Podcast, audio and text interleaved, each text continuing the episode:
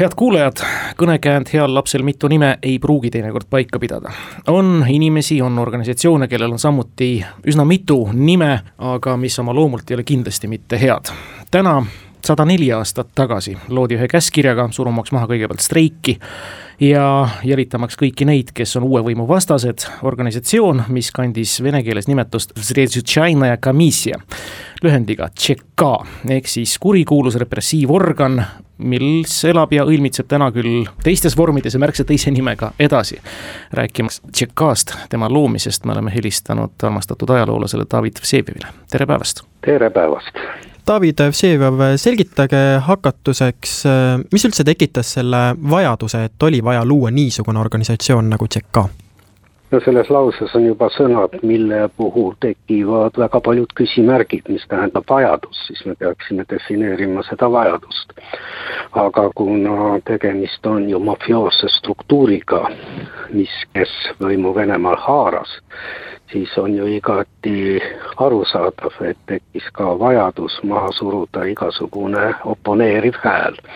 nii et see on see vajadus, nii et ma paneksin juba sõna vajadus jutumärkidesse, sellepärast et normaalses riigis vajadus sellise organisatsiooni vastu ju ei peaks olema nii et see on see esimene moment ja see on organisatsioon, mille struktuur ja ülesanded ja ajalugu on ju teada vaid üldjoontes. alates Nõukogude ajast, kui räägiti selle organisatsiooni sangarlikest tegudest, kuidas nad paljastasid spioone ja luurajaid ja nii edasi ja lõpetades siis nende lugudega, mida me peame ja tunneme tänapäeva variandis, kui mürgitatakse Inglismaal inimesi ja arreteeritakse, tapetakse, kaovad ja nii edasi, nii et tegemist on ju organisatsiooniga, mille puhul väga palju on jäänud ju varju tänase päevani. Ja mis on üks väga huvitav moment, millele juhiks tähelepanu, alles hiljuti oli meil ajalehtedes intervjuu KGB viimase, see organisatsioon on kandnud ju erinevaid nimetusi, viimase juhiga, kus ridade vahel meile öeldakse ja vastates küsimusele, kui palju siis inimesi talle allus, mainib ta, kui mu mälu mind ei peta, numbrit tuhat.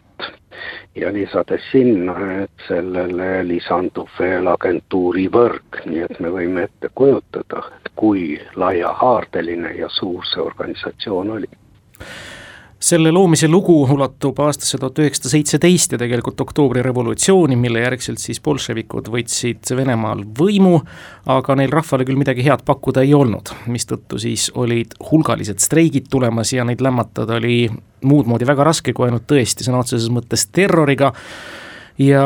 no, no see ongi ajajärk, mida nimetatakse punaseks terroriks. täpselt, täpselt ja, seda hakkas siis Tšeka ilusti rakendama, mis mulle silma torkas organisatsiooni juures, et lisaks sellele kurikuulsale juhile, kes tänagi on vist väga aupaiste sees, vähemasti tema püst oli viimati püsti, kui ma seda nägin, Lubjankal Felix Dzeržinskile, oli selle organisatsiooni ladvikus väga palju Läti päritolu mehi no nii juhtus, et Läti polgud olid ja mängisid otsustavat rolli, see on nüüd natukene hilisemalt, kaheksateistkümnes, kui oli esseeride ülestõus vastuhakk, siis selle mahasurumises võtsid osa ja väga olulist osa just nimelt Läti polgud, mis paiknesid tol ajal nendes kulminatsioonipunktides. nii et siit see kõik edasi läheb, jah, kui me vaatame juhtivaid tegelasi tolleaegses Tšekas, siis väga paljud neist olid just nimelt pärit sellest Läti polgu, polgu või selle polgu kunagised ohvitserid ja sõdurid, nii et jah, selles mõttes, aga jällegi, kui me räägime ühe institutsiooni kuritegulikkusest, siis me peame jätma kõrvale, ega rahvus iseenesest ei tee kellestki kurjategijat. nii et tegemist on ikka inimestega. muidugi väga paljud neist jällegi lasti kolmekümne seitsmendal aastal maha. mis puudutab ka selle organisatsiooni juhte, sest seal järjepanu ju me teame, kes seal kõik olid, Jagoda, üks nendest, no enne teda oli ka lastakse maha, siis on Ježov, lastakse maha, siis tuleb Beria, lõpuks lastakse ka Beria maha. nii et tüüpiline näide sellest, kuidas kurjus sööb iseenda, iseenda lapsi, nagu seda kõik revolutsioonid on ju alati teinud Tšekkaaga oli nii, et loodi ka siis bolševike kontrolli all oleval territooriumil ka selliseid piirkondlikke osakondi ja ka Eestisse on neid loodud näiteks seal Vabadussõja ajal tekitasid nad sellist nii-öelda punast terrorit, natukene iseloomustada, missuguse jälje on see Tšekaa jätnud just nimelt Eesti ajalukku? No me teame ju neid inimesi alates vaimulikest ja lõpetades siis teiste inimestega, noh, nende elukutsete loetelu on ju lõputu, kes on maha lastud ja hävitatud ja see on olnud just nimelt selle organisatsiooni töö tulemus, ütleme siis nii. aga kui tegemist on kodusõjaga, siis ei tasu arvata, et valgete poolt poleks samasugust terrorit olnud, nii et tegelikult terroristlikud organisatsioonid on nad kõik, kes oma ideede elluviimiseks või nende tagamiseks kasutavad siis lihtsalt mahalaskmist kui ühte vahendit. aga see on nüüd ajajärk, mis puudutab tõesti Venemaa territooriumil toimunud või endise impeeriumi territooriumil toimunud kodusõda aga meie jaoks võib-olla on huvitavam kogu see järgnev periood, kus juba alates kahekümnendate keskpaigast Venemaal, no tol ajal juba Nõukogude Liidus, aga alates neljakümnendast aastast ka Eestis, väga paljus ju kogu seda kontrolli, muuseas ka kontrolli partei üle, see on väga keeruline mehaanika, suhted partei ja julgeolek, kes keda kontrollis on jällegi tüüpiline diktaatorlikele riikidele, et ühe institutsiooni kätte absoluutseid volitusi ei saa anda, see on ohtlik. aga see organisatsioon oma mõõtmetelt, see on lihtsalt kirjeldamatu ja oma võimalustelt ja oma oma finantsilistelt ressurssidelt ja nii edasi. nii et nende käes oli parim tehnika, nende käes olid ka parimad inimesed. no ja me teame, et sealt on ju välja kasvanud, meil ei ole vaja ju kaugele vaadata, tänapäeva Venemaa president on ju nendesamade juurtega. Ja ka tema ju tuntud lause, et inimesed, kes on nendes institutsioonides teeninud, jäävad seda tegema kuni surmani mis iseloomustab ju väga hästi ka selle inimesi arusaami. nii et mõtled ta just nimelt nii, nagu mõeldakse kunagises KGB-s ja tänases FSB-s ja nagu ilmselt mõeldi ka toonases Tšekas, mis endale esmaseks ülesandeks. nagu ka toonases Tšekas, jah, aga veel kord, see organisatsioon on kandnud väga erinevaid nimetusi. just. no alguses oli ta sellise üsna mitte midagi ütleva nimetusega komisjon, mis sai tõkestada kontrrevolutsioonilisi ja sabotaaži asju ja katseid kogu Venemaal, anda revolutsioonilise kohtu alla kontrrevolutsionääre ja sabotööre, välja töötada abinõusid nendevastaseks võitluseks ja halastamatult neid ellu viia, halastamatult. jah, aga kontrrevolutsionäärid olid juba ka need, kes noh, lihtsalt ei pidanud kogu seda kogu seda maailmavaadet õigeks, sellepärast et siin olid ju algfaasis ju alates tapmistes kirjanikud Gumiljov, väljasaatmistest tuhat üheksasada kakskümmend kaks kuulsad niinimetatud filosoofide laevad, kui kümneid-kümneid tippintelligente saadeti Venemaalt välja. Ja on väga huvitavad tähelepanekud selle kohta, noh Trotski otseselt kirjutab, et meil ei ole alust neid veel maha lasta, aga neil ei ole kohta Nõukogude ühiskonnas. no hiljem enam keegi ei kahtle, kui ei ole kohta, siis tuleb likvideerida. Te mainisite intervjuu alguses, et äh, palju on jäänud ka nii-öelda varju selle organisatsiooni ajaloost. Äh, äh, kui mõelda nüüd teie kui aja, ajaloolase nii-öelda aspektist, et palju üldse on ajaloolasel ligipääsu tänasel päeval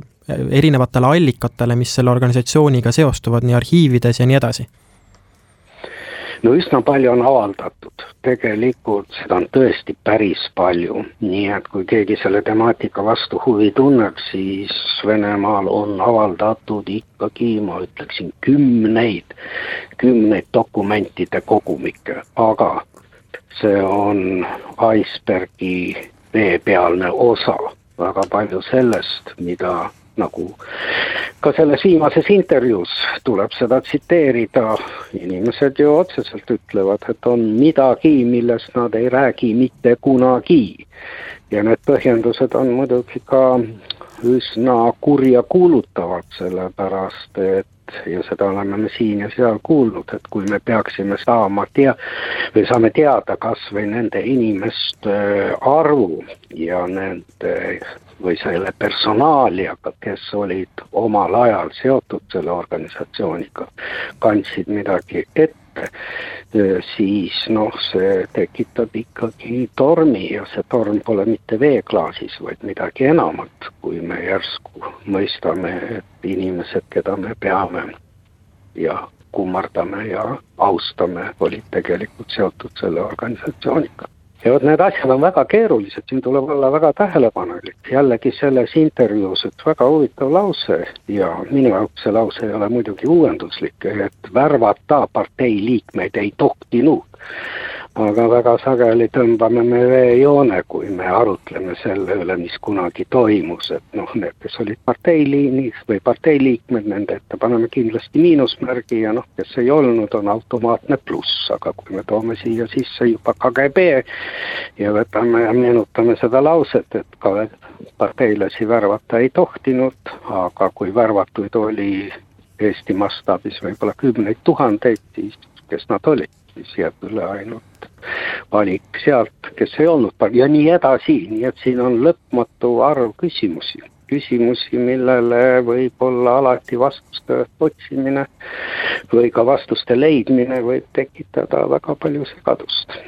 ja võib-olla mõnes aspektis on tõesti targem need nimed teadmata jätta, sest sellest samast intervjuust, nagu Rein Sillar ju viitas, et, et meil on palju lihtsam elada teadmisega, et me ei tea, kes meie vanemad võib-olla toona siis olid või muud lugupeetud inimesed. nojah, raske öelda, aga ma pigem eelistaksin ikka seda varianti, et, et me teame ja need inimesed teavad ja see vabastab ka neid ju manipuleerimisvõimalustest, sellepärast et elada selle teadmisega ja üldse ja lõppude lõpuks, kui sa oled kurja teinud, siis me teame ju, et kogu kristlik moraal võimaldab ka ju vabandust paluda ja andeks saada nii ta on. mis puudutab nüüd tõesti siis Tšeka seda kõige varasemat ajalugu ja neid koledaid tegusid, mis korda saadetud, ilmselt peab ühiskond olema väga tänulik KGB kunagisele arhivaarile Vassil Mitrohhinile, kes üsna palju kinga talla sees seda saladust ka välja viis ja andis võimaluse siis publitseerida ka üsna palju väärtuslikku ajaloolist materjali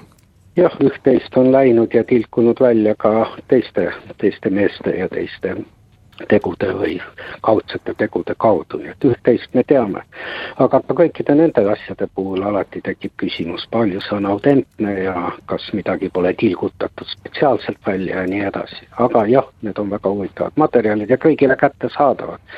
nii et kui keegi kuulajatest tunneb selle organisatsiooni tegevuse vastu natuke põhjalikumat huvi, siis ikkagi seda materjali, mida lugeda, on oi kui palju aitäh teile valgust heitmast, David Vseviov, tänasesse Sihiku saatesse, ilusat päeva jätku! aitäh helistamast ja et selliseid juubeleid oleks meil vähem või selliseid tähtpäevi